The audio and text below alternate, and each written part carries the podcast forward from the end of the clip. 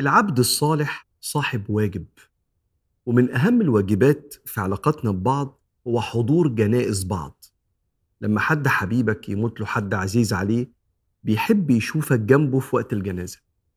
وبيبقى البني آدم آه، صاحب حالة الوفاة حتى لو ما قالش بيدور بعينيه كده على الناس اللي بتخرج معاه وبتسهر معاه وبتسافر معاه وقعدات الضحك والأنس بس وقت الجد بيبقى محتاج نفس السند ده كده. وبالتالي سيدنا النبي عليه الصلاة والسلام شجعنا جدا وعلمنا آداب نبوية وسنن في حضور الجنائز. أولا عشان تبقى في ظهر أخوك ثانيا علشان تعمل الواجب ده زي ما ربنا يحب بالظبط. أول أدب من آداب الجنازة هم خمس آداب. الأدب الأولاني هو تكثير عدد المصلين. لما تعرف إن في حد حصلت له حالة وفاة بلغ المجموعة ابعت على الجروبس علشان الناس تيجي تصلي.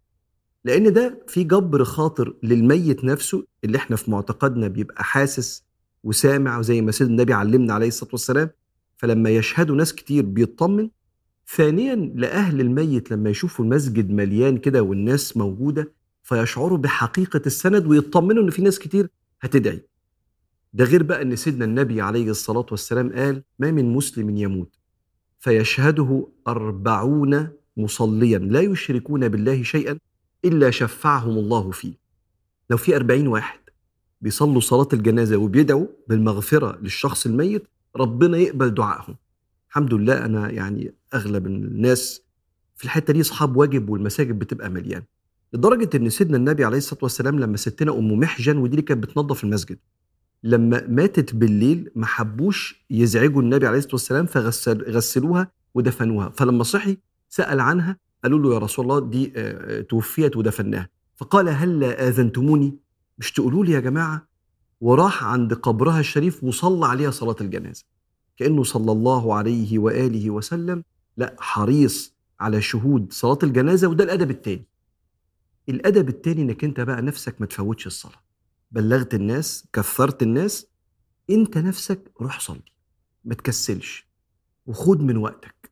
وحتى لو مسافة بعيدة ليه؟ لأن سيدنا النبي عليه الصلاة والسلام قال من صلى الجنازة رجع بقيراط من الأجر مثل جبل أحد. أنت بترجع حاطط في ميزان حسناتك عدد من الحسنات قد جبل أحد اللي ارتفاعه تقريبا 1100 متر وتقريبا قطره أكتر من 20 كيلو.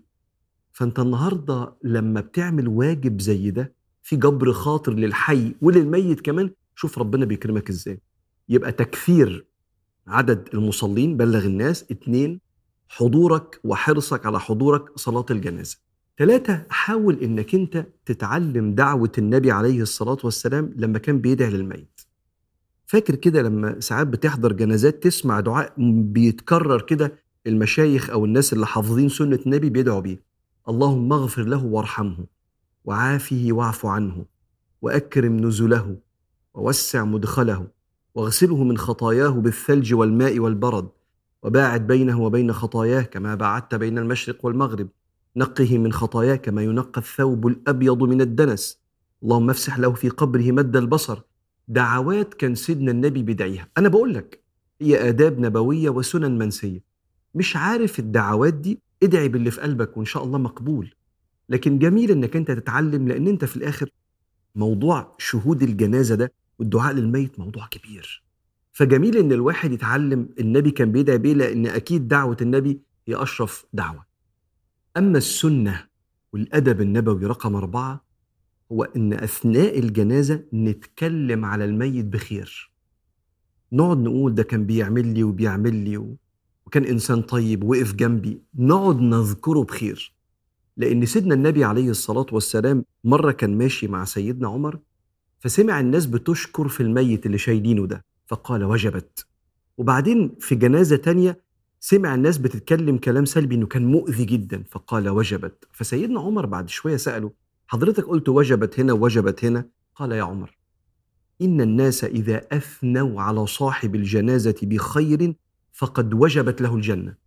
وإذا أثنوا عليه بشر فقد وجبت له النار. أنتم شهداء الله في الأرض. اولا لما تقعد تتكلم كلام حلو على الميت في جبر خاطر للحي؟ ثانيا في جبر خاطر للميت كمان. وكان سيدنا النبي يقول كده إن لله ملائكة ينطقون على لسان بني آدم بما في العبد من خير أو شر. فتكلم كلام حلو أثناء الجنازة كده عن الميت ده في جبر خاطر زي ما قلت لك للحي والميت كمان. آخر حاجة من سنن اتباع الجنائز هو التذكير برحمة الله عند القبر. لأن إحنا مش رايحين ندفن صاحبنا في المجهول ولا في التراب. التراب ده بيدفن فيه الجسد.